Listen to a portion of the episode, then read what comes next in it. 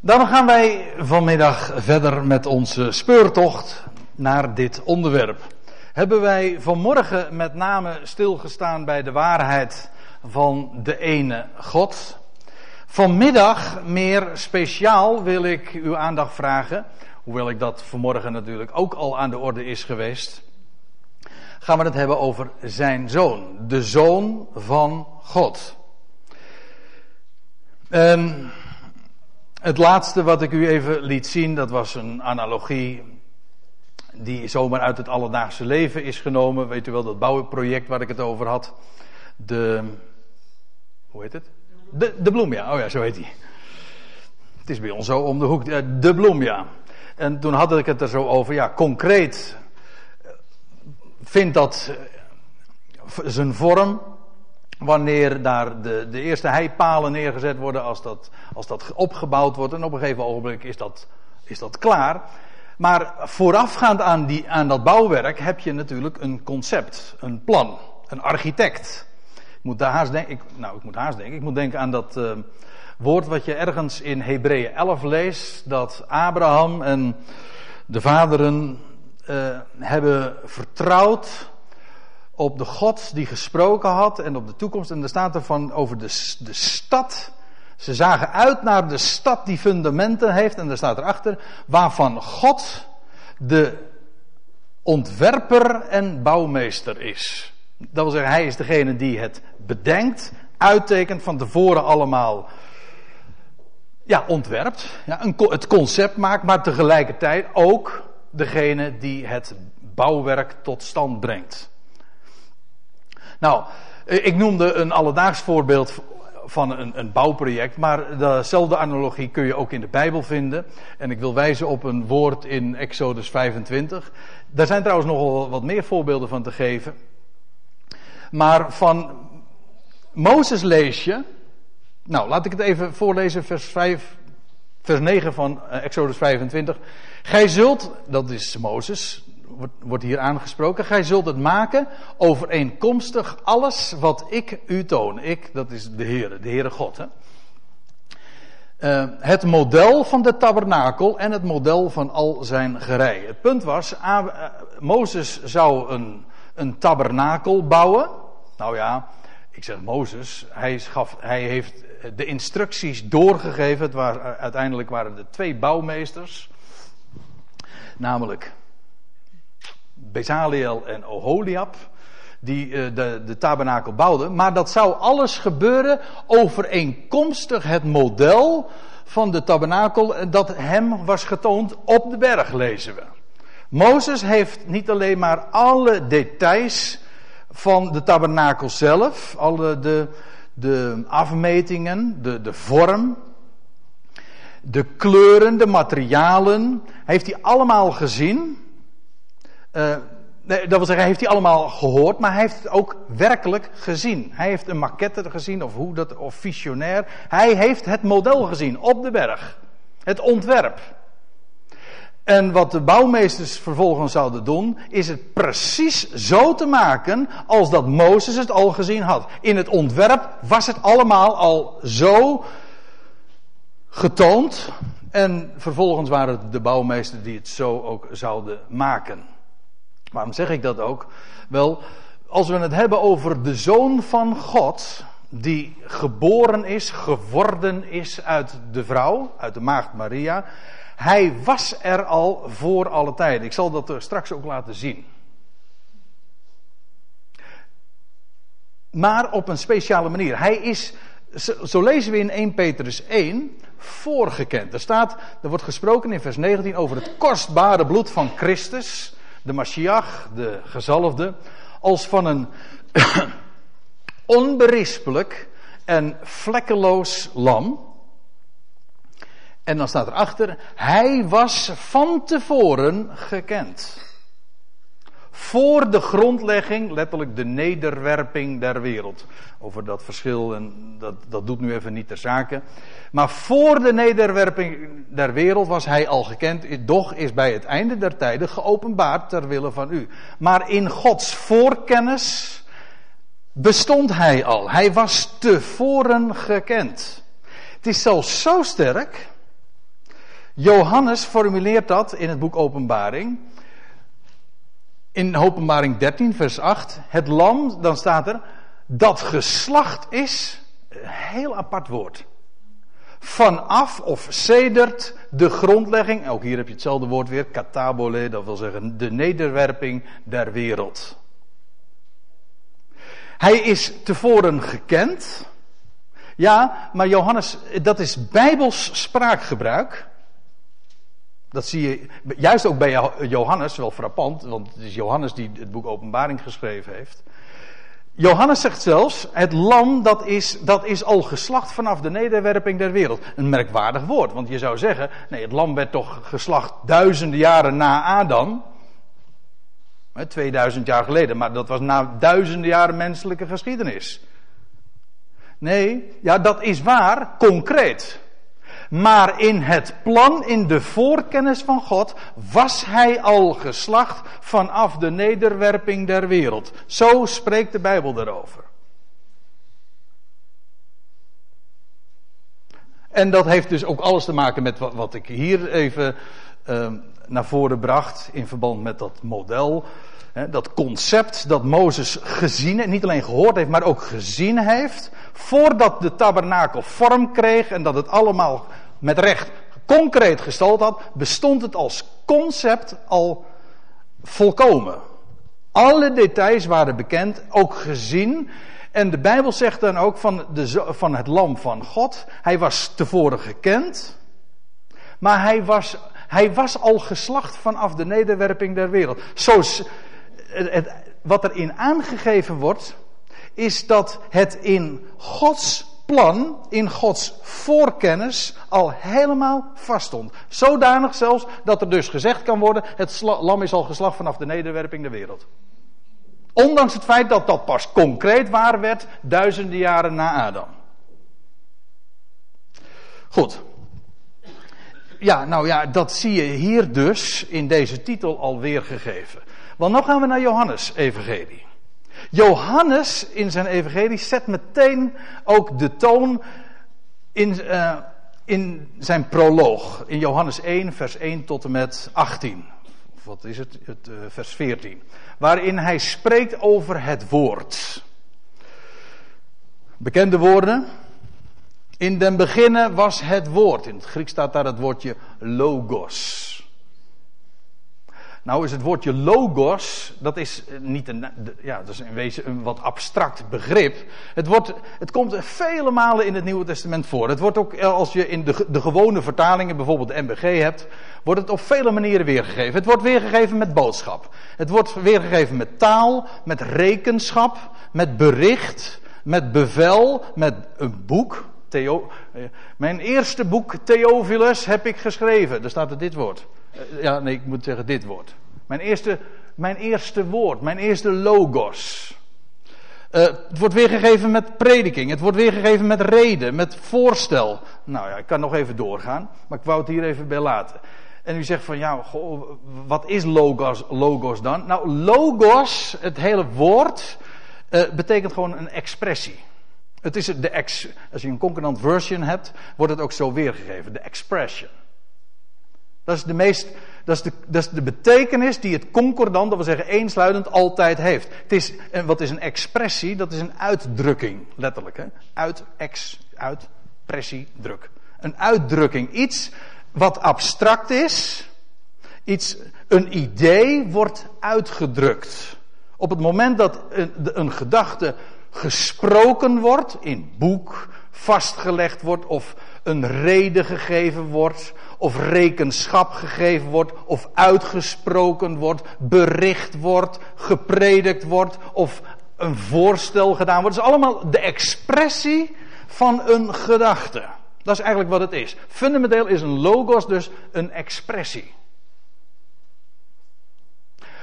In den beginnen was het woord, het idee daarbij is dat vanaf het begin God zich heeft uitgedrukt. Heeft zich bekendgemaakt. Hij is de logos. Wij kennen het trouwens ook nog in het woordje logo. Een logo is ook niks anders dan, ja, ook inderdaad een, een, logos. een logo, dat staat ook iets, dat is een symbool, dat iets, dat staat voor iets anders, wat het representeert, iets abstracts. Dat kan een bedrijf zijn of een ander beeldmerk. Of, ja, het is inderdaad een beeldmerk, ja. Goed, in het begin was het woord. Ik, ik, ik, kan bij alle woorden niet al te zeer, alle als details te lang stilstaan. Want we hebben voor vanmiddag, en ik heb me echt wel een beetje beperkt tot één uur. Zal voor bepaalde mensen al lang zat. Hè?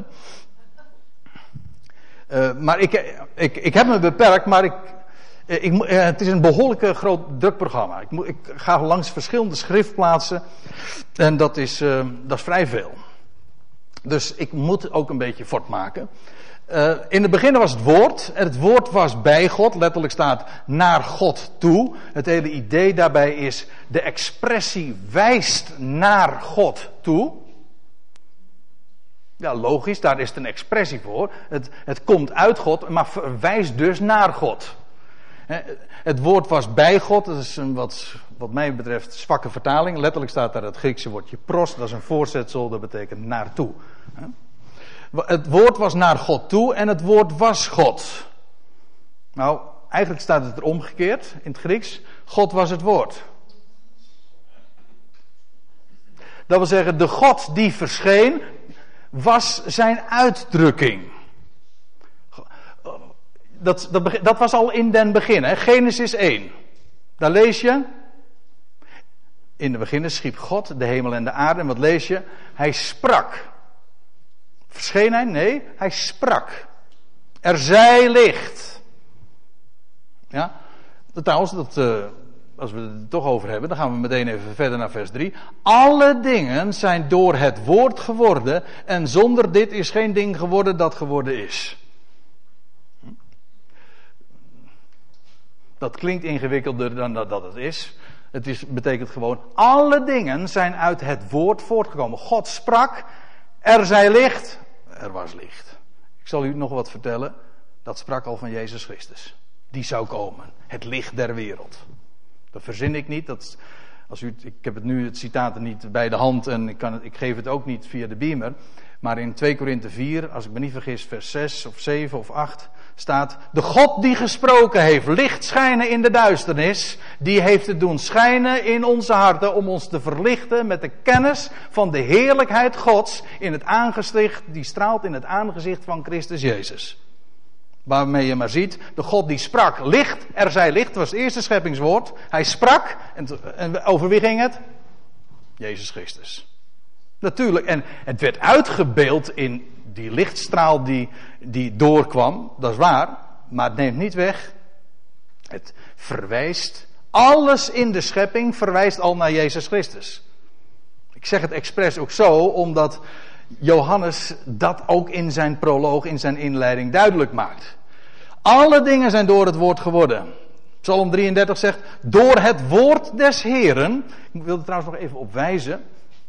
Dat, ik werd er zojuist eventjes op attent gemaakt. En dat is misschien toch goed uh, om een bepaald misverstand dat mogelijk ontstaat. Even recht te zetten. Als hier staat Heren met allemaal hoofdletters. Het is wat verwarrend, dat geef ik toe. Maar dan is dat de godsnaam. Namelijk Yahweh. Dus kan ook Heer staan met kleine letters, dat wil zeggen met e- alleen één hoofdletter. Dan is het een titel, dan is het de Curios of in het Hebreeuws Adonai. Maar dat is, niet dat is geen naam. Als hier heren met allemaal hoofdletters staan, dan is het in het Hebreeuws dus Yahweh. De godsnaam. Ik zeg het er even bij, want anders. Je, je hebt de neiging, je hoort namelijk niet eens het verschil. Hè? Heer, Heer, ja. Je kunt het alleen maar typografisch uitbeelden dan door door de allemaal hoofdletters. Maar je zou het, als het correct doet, zou je moeten zeggen van door het woord van Yahweh zijn de hemelen gemaakt. Door de adem van zijn mond, al hun Heer. En God sprak. En je hoorde hem zeggen van kijk, dat is, of kijk, hoor, dat is God. God was het woord. Alle dingen zijn door het woord geworden. En dan lees je vers 14. Al, eh, het woord is vlees geworden. Dus God heeft vanaf den beginnen gesproken, met recht vanaf den beginnen, vanaf Genesis 1. maar ook daarna. En zijn woord was het licht der wereld. En nee, hoe staat het er in Johannes 1, vers 5? Het woord was het licht der mensen en dat was. In het woord was leven en het leven was het licht der mensen. Zo moet ik het citeren. En dan staat er vervolgens, en dan zijn we inderdaad een paar versen verder, het woord werd vlees. Dan, want dat staat er letterlijk. En het woord werd vlees. Dus al Gods spreken werd ineens heel, dat, dat abstracte, dat wat je alleen maar hoorde, werd, het woord werd vlees. Dus wordt hier niet gesproken over een, pers, een persoon of zo die, die, die mensen. God, er staat niet God werd mens. Het woord werd vlees. Al Gods spreken werd ineens. Ja, ineens. Ja, werd vlees. Met recht dus een mens. En want er staat erachter. Het woord werd vlees en het heeft onder ons gewoond, zegt Johannes. En wij hebben zijn heerlijkheid aanschouwd. Een heerlijkheid als van de enige geborene des vaders. Heb je De enige geborene. Dat is hij. Niet bij wijze van spreken, maar letterlijk. Er is er maar één geboren uit God. Dat wil zeggen, één die van God kan zeggen: Hij is mijn vader. Van alle mensenkinderen, al die miljarden, is er maar één, de enige, is hij de enige geborene van de Vader. En Johannes zegt, wij hebben zijn heerlijkheid gezien. De heerlijkheid van de Zoon van God. Die kon zeggen, wie mij gezien heeft, die heeft de Vader gezien. Was hij de Vader? Nee, maar hij was wel het toonbeeld van, zo, toonbeeld van zijn Vader. Zo Vader, zo Zoon. De God, niemand heeft ooit God gezien. Dat is trouwens vers 18. Maar de enige geborene die aan de, de enige geborene, de enige geboren zoon die aan de boezem des vaders is, die heeft hem doen kennen. Dat wil zeggen, hij heeft zich zichtbaar gemaakt door hem. En wij, en Johannes zegt, wij hebben zijn heerlijkheid aanschouwd, een heerlijkheid als van een enige geborene des vaders. Vol van genade en waarheid. Ja, hij was die enige geborene van de vader. Waarom? Omdat hij verwekt was door God in de maagd Maria. En daarvoor was hij er al, jazeker, als woord, als concept, als logos, als expressie.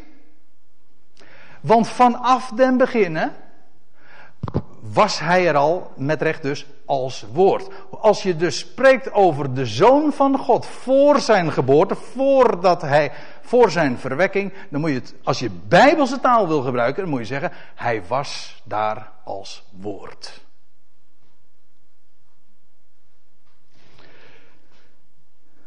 Paul erop lees je meteen, vers 15. Johannes heeft van hem, dus trouwens een andere Johannes, dit, over deze Johannes dit is Johannes de Doper. Johannes heeft van hem getuigd en heeft geroepen, zeggende: Deze was het van wie ik zeide, die na mij komt. Hij was een half jaar uh, ouder ook trouwens. Uh, die na mij komt, is voor mij geweest, want hij was eer dan ik. Hoe? Nou, uh, we bladeren even terug. Dat wil zeggen, één vers eerder werd er al gezegd. Het woord werd vlees. De zoon van God was er voor zijn geboorte, namelijk als woord, als logos.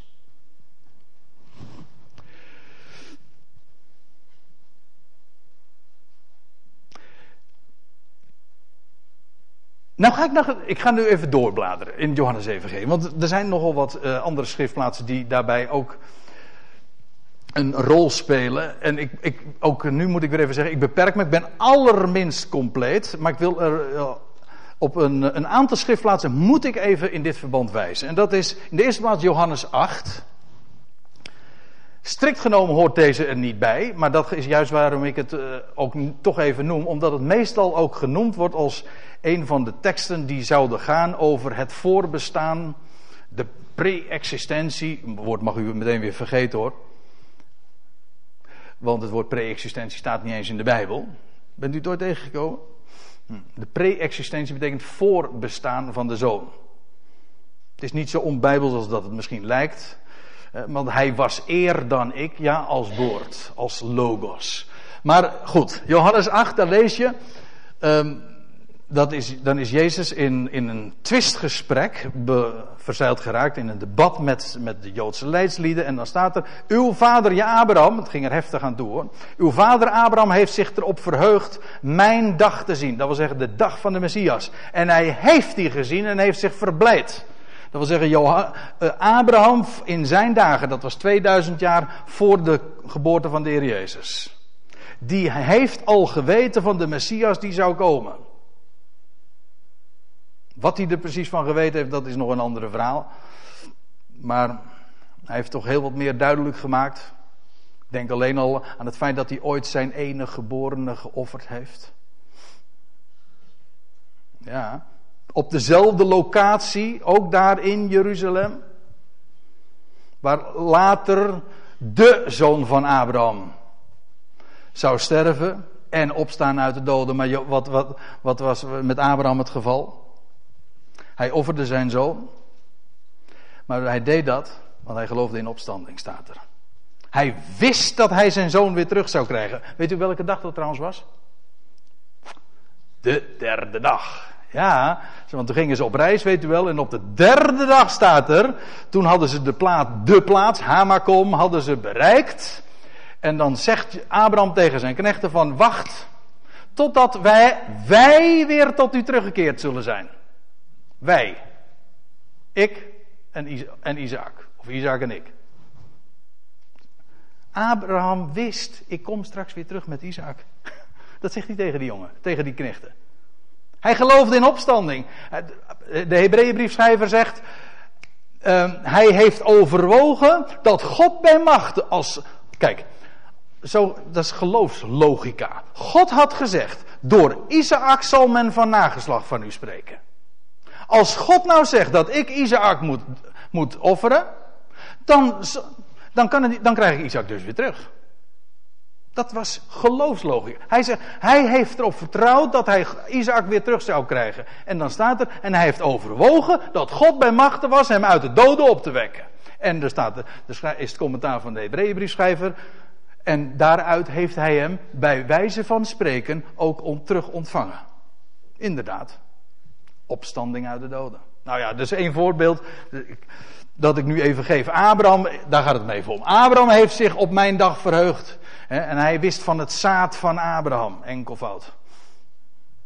Dat zou komen. Hij heeft zich, en hij heeft die gezien, weliswaar in de verte, maar en hij heeft zich verblijd. De Joden dan zeiden tot hem, gij zei, nu weet je meteen waar die spreuk, waar die, die gewoonte vandaan komt, hè? Abraham gezien. De Joden zeiden tot hem: Gij zijt nog geen vijftig jaar en hebt gij Abraham gezien? Over slecht luisteren gesproken. Had Abraham, had Jezus dat gezegd? Nee, hij had gesproken: Abraham heeft mij gezien. Hij heeft zich daarop verheugd. Wat maken de Joden ervan? Gij zijt nog geen vijftig jaar en gij eh, gij hebt Abraham gezien? Nou, daar zit nogal wat meer aan vast hoor, dan dat ik nu even ga vertellen. Maar dat zou me echt van het onderwerp afvoeren. Het is wel leuk trouwens. Maar dat was dus niet wat Jezus gezegd had. En dan komt uh, die uitspraak. Jezus zei tot hen: Voorwaar, voorwaar, ik zeg u, eer Abraham was, ben ik. Zo staat het in uw vertaling. Eer Abraham was, ben ik. Maar ik moet u teleurstellen, tenminste als u daar erg aan gehecht bent. Zo staat het er niet. Dit woord, ik heb er juist van de week een weblogje aan gewijd. En ik heb de concordantie er even op losgelaten. Dit woord, wat hier gebruikt wordt, dat komt zeven, in deze precieze vorm voor, 37 keer voor in het, in het Nieuwe Testament. Slechts één keer wordt het vertaald met was. Hier. Anders altijd met worden of uh, gebeuren, maar in ieder geval geen verleden tijd. Het is geen verleden tijd. Het is trouwens ook niet het werkwoord zijn, maar het werkwoord worden. En dan in de tegenwoordige tijd. Nou, de, over de details die zal ik u besparen. Maar hier staat niet eer Abraham was. Maar eer Abraham wordt, ben ik. En als u nou even de hele context leest, dan gaat het erover. Abraham heeft geloofd in de opstanding. En Abraham die zal opstaan. Abraham is nu niet, maar Abraham zal worden. Nou zegt Jezus, eer Abraham wordt, op zal staan uit de doden, ben ik het. Het verwijst niet terug naar het verleden. Hij verwijst naar de toekomst. Eer Abraham zal worden, of eer Abraham wordt, weer tot existentie komt, als, u, als ik het even zo deftig mag zeggen. Eer Abraham wordt, ben ik. Namelijk, eer Abraham zal opstaan uit de dood, ben ik reeds opgestaan, want ik ben de eersteling. Dus deze, dit vers, ik, waarom haal ik dit nu even aan? Want dit heeft strikt genomen dus niks te maken met de zoon die er was voor alle, voor alle tijden. Want het gaat hier over de toekomst. Alleen het wordt altijd in dat verband gelezen. Daarom haal ik het nu even aan. Er staat niet eer Abraham was, ben ik. Trouwens, ik moet er nog iets bij zeggen. Dat is, er wordt hier gezegd, eh, dat wordt hem in de mond gelegd. Hebt gij, gij hebt Abraham gezien? Dat zegt Jezus helemaal niet. Je leest trouwens nooit over de Heer Jezus voor zijn geboorte dat hij gezien zou hebben. Kijk, je leest in de Evangelie, Jezus, hij zag, hij hoorde, hij sprak, hij dacht, hij wandelde. Voor zijn geboorte lees je zulke predikaten, zulke werkwoordsvormen nooit. Zulke activiteiten. Hij was woord. Als woord bestond, als beeld bestond hij. Daar, daarover straks meer. Maar als woord, als logos, als concept, of hoe je het ook maar zeggen wil, was hij. En dat werd vlees toen hij verwekt werd en geboren en zo hier ook op aarde leefde als de enige geborene des vaders en zo ook de heerlijkheid van God heeft geëtaleerd. Goed, dus dit, deze schriftplaats, die noem ik omdat het ten onrechte altijd wordt aangevoerd als bewijs voor het feit dat de Zoon van God er was. Dat wil zeggen, letterlijk er was, concreet, voor zijn geboorte. Nou komen we op iets anders nog. Johannes 17, trouwens, daar hadden we het al eerder over. Vandaag. Dat was vers 3, en, ja, vers 3. Weet u nog? Dit nu is het eeuwige leven dat de Heer Jezus zegt. Dat zij u kennen, de enige waarachtige God. En Jezus Christus die gij gezonden hebt. Maar nou zegt de Heer Jezus iets bijzonders. En dit sluit naadloos aan bij wat ik net al liet zien. Over, weet je wel, die tekst in openbaring 13. Dus uh, dat het lam is geslacht vanaf de nederwerping der wereld.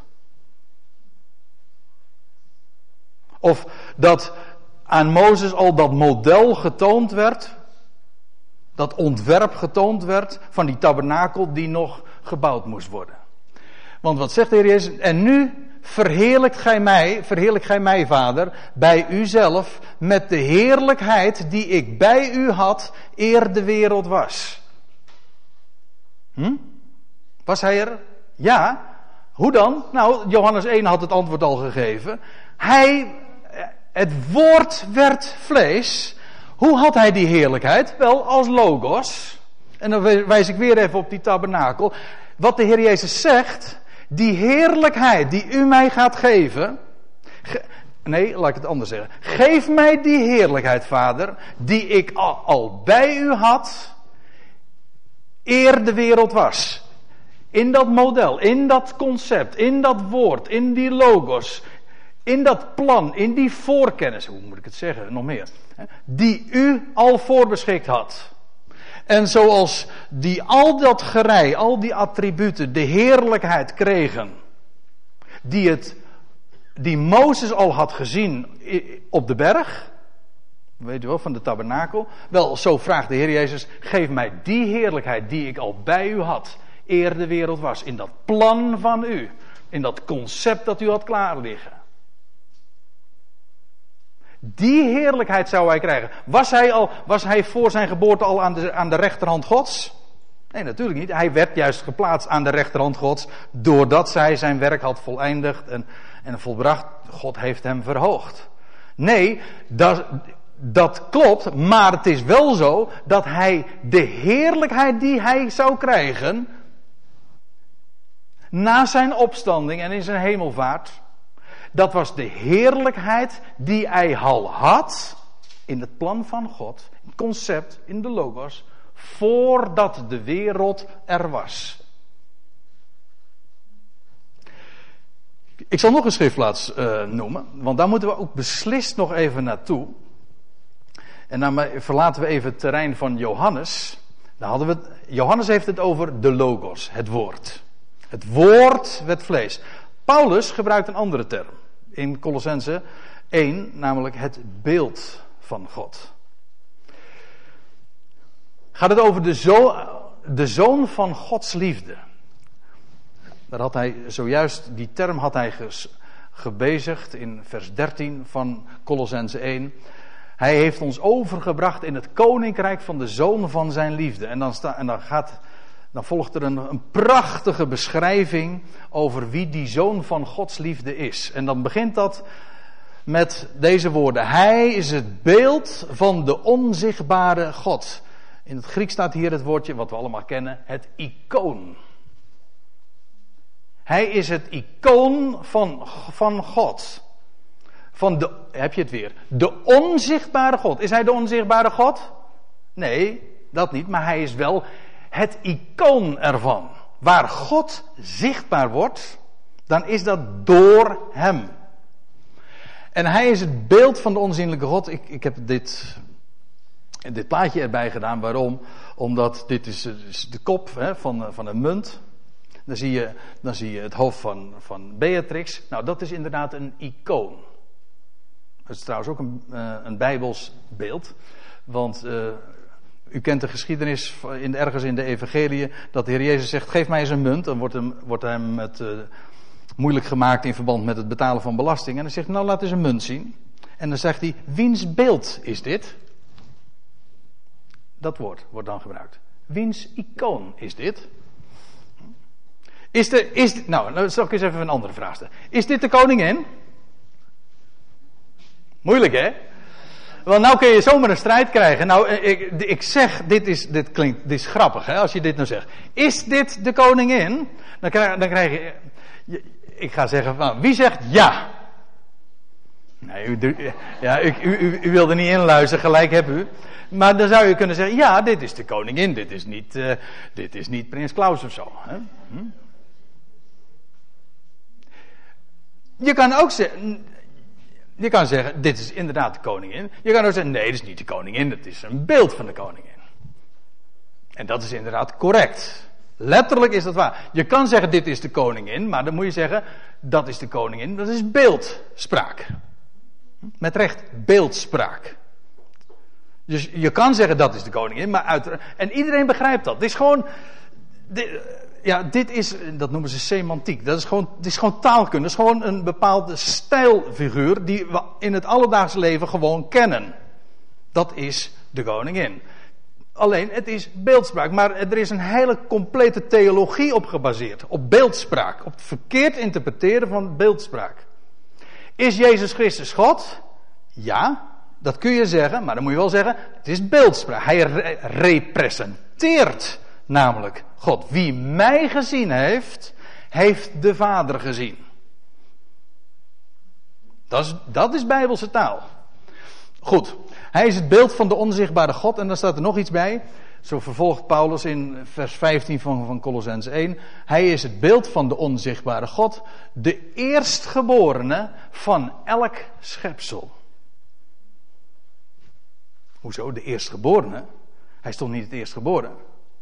Hij is toch, hij is toch, hij werd toch geboren uit de maagd Maria duizenden jaren na de menselijke, na, na duizenden jaren menselijke geschiedenis. Ja, zegt Paulus. En toch is hij de eerstgeborene van elk schepsel. Ik wil trouwens op nog iets wijzen. Er staat de eerstgeborene van elk schepsel. Dat betekent dus dat hij een schepsel is. Hè? Als je de eerste van, uh, de eerste van de ministers is een minister. Hm? Toch? Als je de eerste van iets bent, dan, dan, dan maak je deel uit van dat gezelschap waar je de eerste van bent. Als hij de eerste is van elk schepsel, dan is hij dus een schepsel. Maar nou even over die eerstgeborene. Is, is hij het eerstgeborene? Nee. Hij, nee, hij is, de, hij is niet het eerstgeborene, maar hij is wel eerstgeborene. En nou zegt u, nou, nou ga je toch nog ingewikkeld worden, André. Ik zeg, daar heb je gelijk in, maar dan moet ik even iets uitleggen. Namelijk, de meeste eerstgeborenen in de Bijbel waren geen eerstgeborenen. Eigenlijk moet je dit weten. Als je Colossense leest, dan word je eigenlijk geacht op de hoogte te zijn van al het voorgaande in de Bijbel. Maar lees het maar na in het boek Genesis. Alle eerstgeborenen daar waren geen eerstgeborenen. Het begint al bij Abraham. Het begint nog eerder bij, bij Sem al. Sem was, was een eerstgeborene, maar was niet het eerstgeboren. Het heeft te maken met het eerstgeboorterecht. En als u dat wil weten hoe dat zit, moet je het eens aan Jacob navragen. Die was geen eerstgeborene, maar werd het uiteindelijk toch. Het is namelijk een recht. Je krijgt namelijk de, een eerstgeborene had een dubbel deel van de erfenis. Dat is een heel apart, bijzonder verhaal. Al het eerstgeborene, dat is mijn. Dat heeft een bijzondere status in de Bijbel. Maar hij is de eerstgeborene van elk schepsel. Niet omdat hij het eerstgeboren is, maar hij is tot eerstgeborene gesteld. Bedenk ik dat? Nee, dat staat zo in de Bijbel. Je had het zelf kunnen bedenken, want A, hij is niet het eerstgeborene, maar hij is niettemin de eerste, heeft het eerstgeboorterecht. Dat wordt al voorzegd in de psalmen. Daar lees je, dat is een psalm van David, die een profeet was. Psalm 89. En daar wordt gesproken over de Messias. Dit is een Messiaanse psalm hoor. Het wordt meestal niet onderkend, maar het is echt zo. Ik, schot, zal hem, de Messias, dus eigenlijk zou dit met een hoofdletter moeten, maar daar gaat het nu even niet om. Ik zal hem tot eerstgeborene stellen, tot de hoogste van de koningen der aarde. Weet je meteen wat een eerstgeborene is? Dat is de hoogste namelijk. De, de, met het grootste en belangrijkste erfrecht. Hij is gesteld tot eerstgeborene. Dat is de zoon van Gods liefde. Hij is het icoon van de onzienlijke God. Hij is het eerstgeborene van elk schepsel. Niet omdat hij het eerstgeboren is, maar hij is tot eerstgeborene gesteld. En waarom dan wel? Want, er wordt meteen antwoord gegeven. In hem, wie is die hem? Nou, dat is dat beeld van God zijn alle dingen, letterlijk staat er trouwens, worden alle dingen geschapen. Het idee is dat het scheppingswerk nog niet af is. En als ik om me heen kijk, dan zeg ik dat kon wel eens kloppen. Hm? Werk in uitvoering. God is nog bezig zijn schepping tot voltooiing te brengen. Afijn. Want in, waar, dus er werd gezegd, de eerstgeborene van elk schepsel. Want in hem zijn, zijn, of beter worden alle dingen geschapen. Dat beeld van God, waar Paulus het hier over heeft. Ja, ik weet, mensen zeggen van, ja, mensen, dat wordt in de christelijke wereld zo gezegd. Mensen, wij zijn allemaal beeld van God. Hm? Heb je het nooit zo gehoord? Het is niet waar. Als ik mijn Bijbeltje lees, is het niet waar. De mens is geschapen in, of zo u wilt, naar, maar het staat letterlijk in het beeld van God. Het beeld van God is er maar één. Dat is namelijk de zoon van Gods liefde. Als het allemaal zouden zijn, is dat, wat is er dan zo uniek aan het feit dat Jezus Christus beeld van de onzienlijke God is? Dan zijn we het allemaal. Nee, Hij is het beeld van de onzienlijke God. Paulus schrijft het trouwens ook in 2 Korinthe 4. Daarmee verwijst hij al naar het eerste hoofdstuk in de Tenach, in, in de Bijbel, in het Oude Testament, of zo u wilt. En daar lees je al in Genesis 1, vers 26. En God zeide: Laat ons mensen maken. Over dat majesteitsmeervoud had ik het al eerder. Hè? Paar keer lees je dat. Laat ons mensen maken naar, of beter staat er, in ons beeld. Kijk, het staat hier ook. Hè? Want in hem, dat wil zeggen in hem, dat beeld van God. In ons beeld, als onze gelijkenis, opdat zij heersen over al. Nou ja, en dan wordt, volgt er nog het een en ander. Maar hier wordt dus Adam geformeerd. En daarmee de mensheid. En de mensheid wordt gesteld tot heerschappij over alle dingen die God gemaakt heeft. Maar de mens wordt gemaakt als heerser over alles. In het icoon, in het beeld van God. En zegt Paulus dan, dat beeld van God, dat was Christus. God spreekt hier al over iemand die nog zou moeten komen. Maar hij was, dat, dat beeld was er al. Dat beeld, gekke is trouwens ook, je leest in de Bijbel dat in Genesis 1 God bracht het land tevoorschijn, hij maakte de zee en het licht riep hij tevoorschijn. Maar dat beeld, daar wordt helemaal niet, dat was er. God had dat beeld al. En zegt Paulus dan, dat beeld van God, dat is Christus. Dat is de zoon van Gods liefde. Die inderdaad nog duizenden jaren later zou geboren worden. Maar het beeld was er al. En in dat beeld zijn alle dingen geschapen. Dat beeld dat God had. God had de zo, voordat er ook maar iets was. Had God de zoon van zijn liefde in gedachten. In beeld zag hij dat. En in dat beeld heeft hij alles geschapen. Zodat voor de schepping van de dingen de zoon van Gods liefde er al was. Dat wil zeggen, als beeld. In dat beeld zijn alle dingen geschapen. Staat trouwens nog bij in Genesis 1. En God schiep. Let op, God schiep. Enkelvoud, Niet God schiep, uh, schiepen of zo. Of zij schiepen. Nee. Schiep, scheep, schapen. Ja, schapen is dan wel weer meer van. En God schiep de mens in zijn beeld. En, zegt, en het, commentaar, commentaar van Paulus is daarbij: dat beeld van God, dat is Christus. Dat is de zoon van Gods liefde. Zodat, dat is leuk, hè? dat vind ik zo prachtig om aan te denken. Zodat de laatste Adam, voorafgaat aan de eerste Adam. Adam werd dus geschapen naar het schabloon of naar het, naar het model van hem die na hem zou komen. Dus wie was er nou eerder? Ja, nou ja, daar heb je het weer. Hè. En was dat nou de koningin of was het er niet? Hè? Wie was er nou eerder? Ja, Adam. Maar ik kan eigenlijk zeggen, op grond van wat Paulus hier naar voren brengt, nou Christus, de laatste Adam, het beeld van God, het beeld was daar al. En Adam als heerser over alle dingen wordt geschapen in dat beeld van God. En staat er nog bij, um, ja, want in hem zijn al, worden alle dingen geschapen die in de hemelen en die op de aarde zijn. De zichtbare, de onzichtbare. Het zijn tronen, het zijn heerschappijen. Daar ging het trouwens ook over in Genesis 1. Hè? De mens wordt geschapen in het beeld van God als heerser over alle dingen. Wel nu, dat beeld dat God voor ogen had, dat beeld waardoor hij alle dingen maakte en schiep, dat is de Heer Jezus Christus uiteindelijk dat beeld is dus iemand. Dat is maar niet alleen een concept, een plan. Dat plan, daar staat een naam in. Dat is de zoon van Gods liefde. Voordat er ook maar iets was, had God de zoon van zijn liefde in gedachten. En als degene die zou sterven, ja, ja, dat lees je ook in ditzelfde gedeelte. En degene die zou opstaan uit de doden.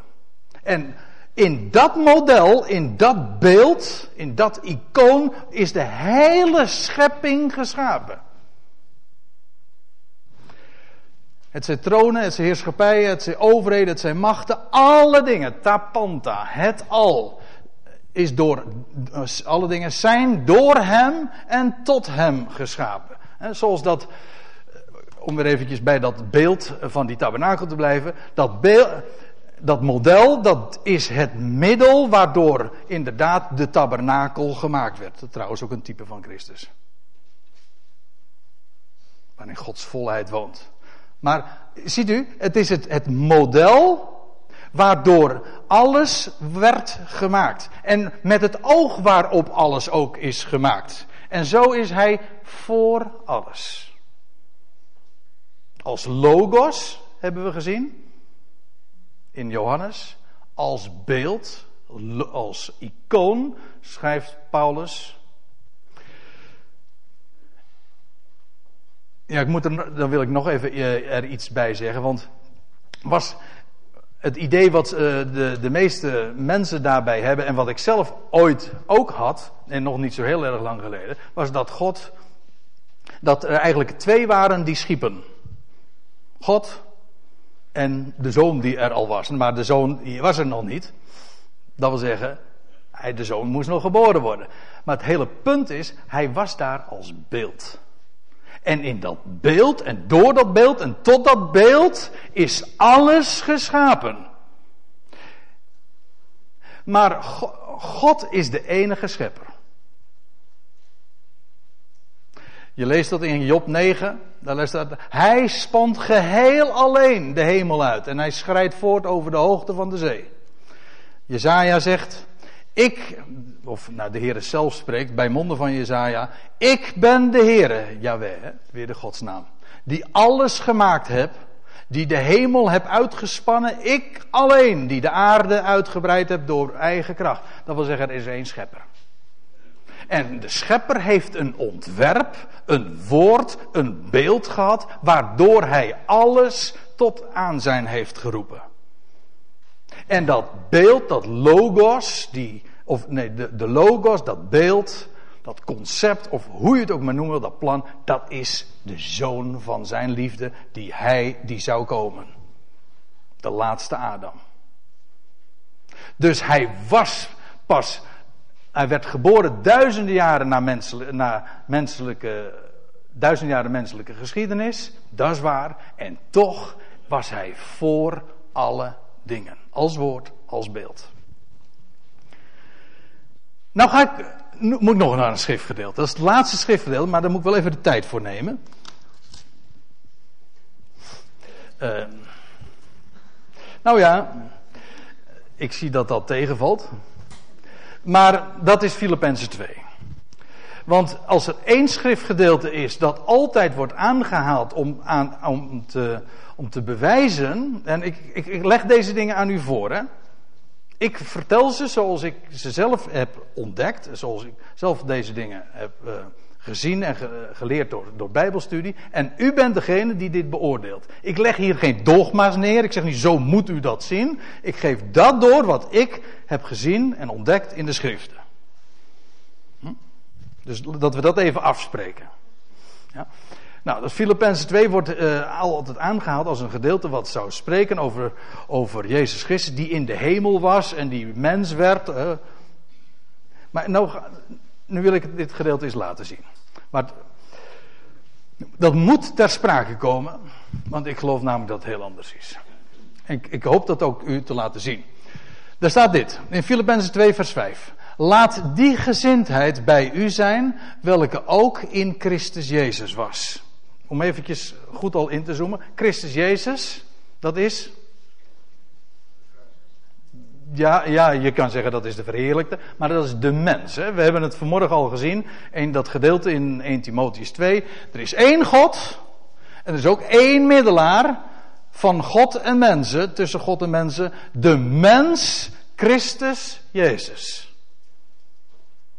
De mens Christus Jezus. Het gaat hier dus over de gezindheid. Paulus verwijst hier naar de gezindheid die de mens Christus Jezus had welke ook in Christus Jezus was, die in de gestalte Gods zijnde, dan zegt men van ja, dat gaat hier. Ik heb het zelf nogmaals ook altijd zo gedacht. Nou, het gaat hier over dat hij, de, dat hij God was voor, uh, of dat hij de, de gestalte was in de hemel voordat, voor zijn geboorte. Staat dat er?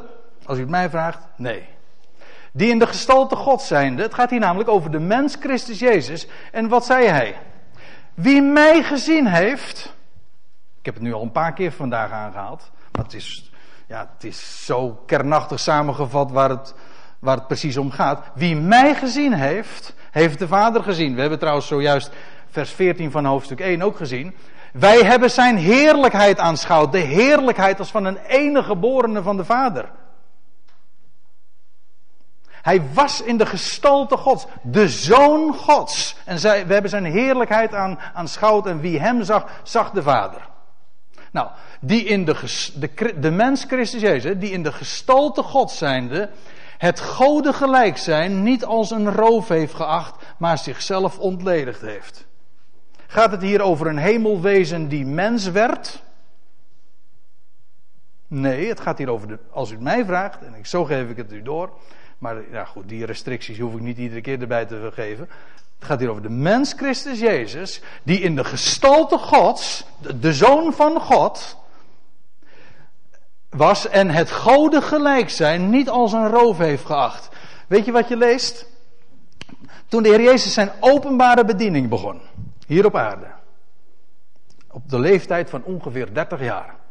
Dan lees je dat hij zich in, in aanvang laat dopen in de Jordaan door Johannes, zijn neef.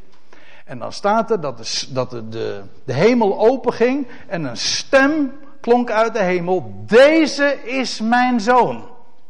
Ja, met recht. Niet bij wijze van spreken. Deze is mijn zoon, letterlijk. De zoon, de enige geboren zoon van God. In wie ik al mijn geliefde staat er. In wie ik al mijn welbehagen heb. De heerlijkheid Gods. Als Johannes zegt van wij hebben zijn heerlijkheid aanschouwd. En heerlijkheid is van de enige geboren van de Vader. Nou, dan kan ik me zo voorstellen dat hij onder andere aan die geschiedenis teruggedacht heeft. Dat hij dat zo gezien heeft en dat hij dat zo gehoord heeft. Paul daarop lees je dat Jezus weggevoerd wordt de woestijn in. 40 dagen lang verzocht wordt. En de verzoeker kwam, staat er dan in Matthäus 4. Trouwens, u vindt het ook in Marcus en in Lucas. Niet in Johannes trouwens. Uh, en de verzoeker kwam, de diabolos is dat hè. U weet wel, dat is degene die alles door elkaar gooit. En de verzoeker kwam en zeide: Indien gij Gods zoon zijt, zeg, zeg dan dat deze stenen broden worden. Later voert hij hem op, de, op de, die grote hoogte van de tempel, waar hij tientallen meters naar beneden kon kijken. En, en, en dan zei werp u neer. Indien gij Gods zoon zijt, werp u neer. want de engelen, er staat toch geschreven, wel je kent de Bijbel. En er staat toch geschreven, de engelen zullen u dragen. Hoe staat het precies? Maar het gaat, daar, gaat, daar gaat mij even niet om. Het gaat er even om dat hij iedere keer komt met die, met die woorden. Indien jij Gods zoon bent. Maak dan ook aanspraak op dat wat je rechtens toekomt. Je bent, je bent, je bent in de gestalte van God. Je bent, je bent de zoon van, van God. Indien je dan Gods zoon bent, doe dan dit. Maak van die stenen brood. Dat kun je toch? Inderdaad, dat kon hij doen. Maar wat heeft Jezus gedaan? Hij heeft er van afgezien.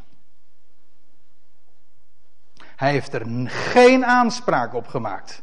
Hij heeft, hij heeft het niet als een roof gehad. Precies tegendeel trouwens met Adam. Adam, dat, de eerste Adam, hè, zullen, we, maar zeggen. Die werd het ook, werden ook die dingen voorgesteld. Je zult als God zijn. als God zijn. En wat deed hij? Hij, hij, ging, hij viel voor die verzoeking. De laatste Adam wordt verzocht. Hij was in de gestalte Gods. Hij was goden gelijk. Sprekend zijn vader. Dat is wel heel dubbelzinnig als ik het nu zo zeg. Sprekend zijn vader. En hij heeft er vanaf gezien. Heeft het niet als een roof gehad. Dat wil zeggen, hij heeft niet vastgepakt of geclaimd. Niets er, hij heeft er afstand van gedaan. En dan lees je trouwens ook dat, dat na die verzoeking dat engelen gods kwamen, boodschappen van God, hoe ik me dat moet voorstellen, weet ik niet, staat er ook niet bij. En die kwamen en die dienden hem. Dat de test, de proef, had hij doorstaan. Maar goed, het, het, hij heeft het goden gelijk zijn niet als een roof geacht, maar zichzelf ontledigd heeft.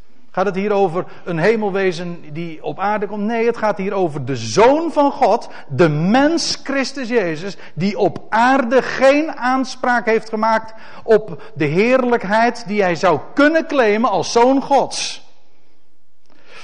Maar hij heeft zichzelf ontledigd. Dat wil zeggen, heeft daar, is, dat wil zeggen, ontledigd, dat wil letterlijk zeggen, inderdaad leeg gemaakt. Hij heeft dat hele begrip dat hij de zoon Gods was en Gods gestalte. Hij heeft het er.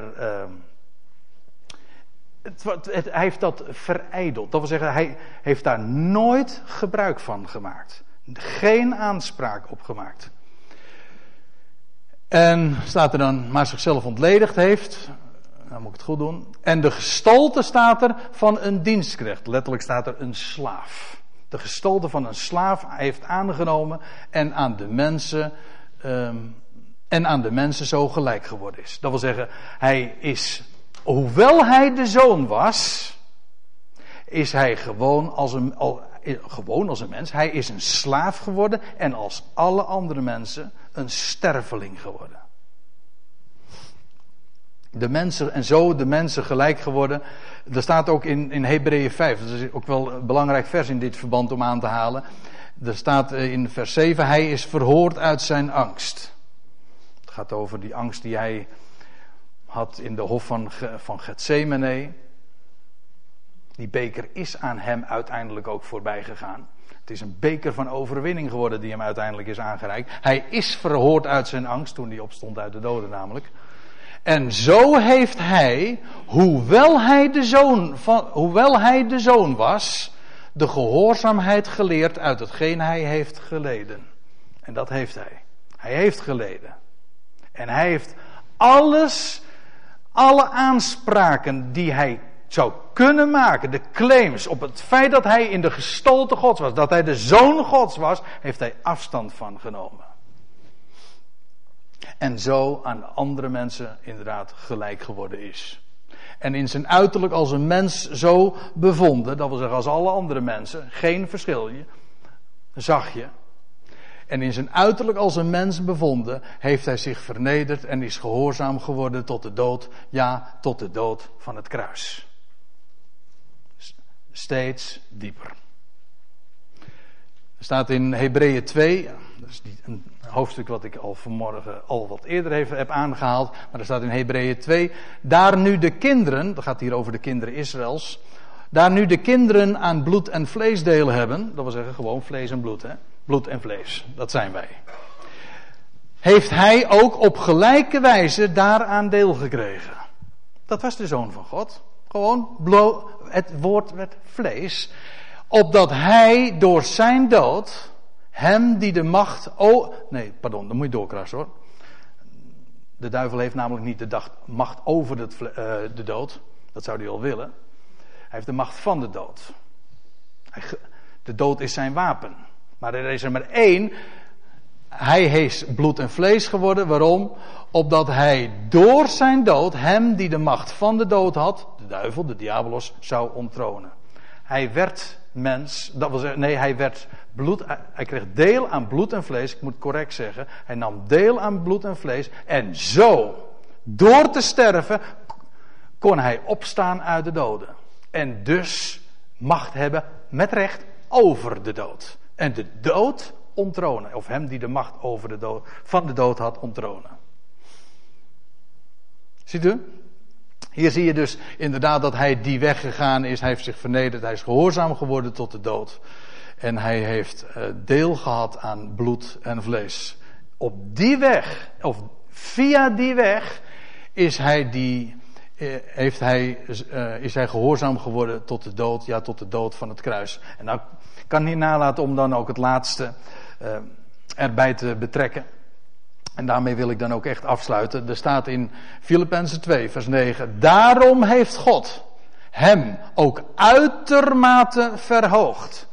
Ziet u? Hij, was hij God? Nee, hij was die mens die, die, die zich vernederd heeft tot de dood, ja tot de dood van het kruis. En God heeft hem verhoogd. De enige waarachtige God. Heeft, kan God verhoogd worden? Nee, natuurlijk, want hij is de Allerhoogste. Maar hij heeft hem die vernederd is tot de dood, tot de laagste diepte, die tot de uiterste maat vernederd is, heeft hij tot uitermate, de uiterste maat, verhoogd. En hem de naam boven alle naam geschonken.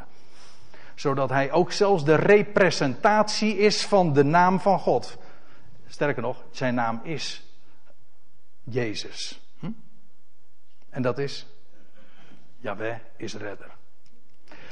Opdat, nou, God, waar, hebben we het over? Dat staat er pal achter dus. Opdat in de naam van Jezus, Yahweh is redder, zich alle knie zou buigen van hen die in de hemel, hen die op de aarde en hen die onder de aarde zijn. In de naam van Jezus. En dan staat er nog achter, en alle tong zou beleiden, Jezus Christus is Heer. De Curios, de machthebber, de rechthebber.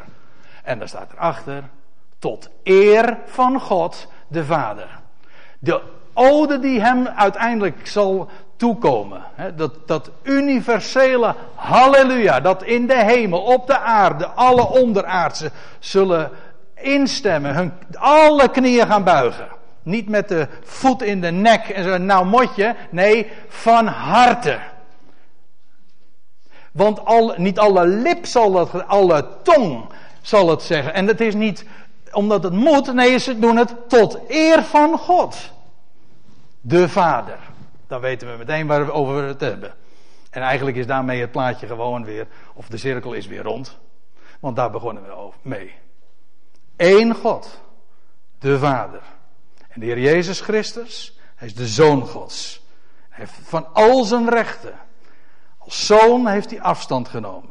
En hij is die weggegaan van de dood. Hij is, nee, hij is de weggegaan van gehoorzaamheid tot de dood, ja, tot de dood van het kruis. En door hem gaat God heel de schepping terugvoeren tot zichzelf. En elk creatuur, waar ze ook zijn, in de hemel, op de aarde, onder de aarde, het kan niet schelen. Hebben we echt alles gehad hoor. Of eh, kent u nog meer categorieën? En alle knieën gaat buigen en alle tong zal het zeggen. Jezus is Heer. Tot eer, tot eer van Jezus? Nee, tot eer van wat de naam Jezus betekent. Yahweh is redder. Tot eer van God de Vader. Want daar was alles om begonnen. En als ieder dat zal beleiden, dan is het werk voleindigd. En wat zal de zoon dan doen? Dan zal hij het koninkrijk overdragen aan zijn God en Vader die het hem ooit gegeven heeft. Opdat God zei alles. In alle. Amen.